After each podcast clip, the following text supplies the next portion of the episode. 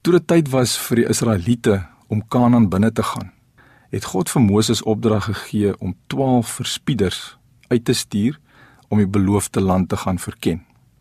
Met hulle terugkeer het 10 van die 12 verspieders terugvoer gegee en gesê dat die land wel oorloop van melk en honing, maar dat die mense wat daar woon groot, sterk reuse was en dat daar hoë, versterkte mure om die stede opgerig was.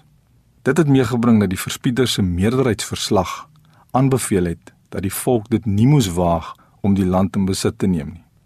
Toe hulle die reuse sien, sê hulle, was hulle so sprinkane in hulle eie oë en so was hulle ook in die oë van die reuse. Die ander twee verspieders, Josua en Caleb, het die verspieders se minderheidsverslag opgestel.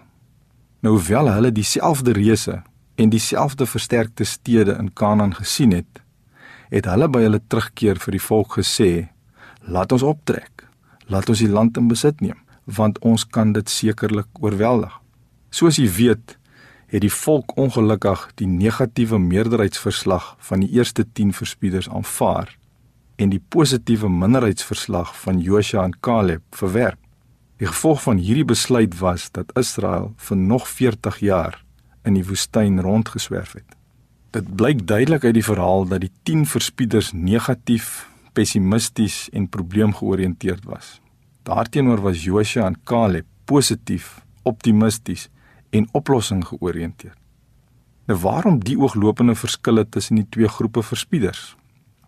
Joshua en Caleb het hulle laat lei deur wat God gesê het en nie deur uiterlike omstandighede nie. God het immers al in Numeri 13 vers 2 vir hulle beloof dat hy die land Kanaan aan hulle sal gee. Joshua en Caleb was dus manne van geloof en het vasgeglo in God se bonatuurlike krag en vermoë en dat hy 'n waarmaker van sy woord is. Luisteraar, God het ook vir jou vandag 'n beloofde land om in besit te neem. En as God sy woord vir ons gegee het, kan ons hom maar glo. Al kom ons ook te staan teen reuse en versterkte ondeurdringbare mure. Kom ons bid saam.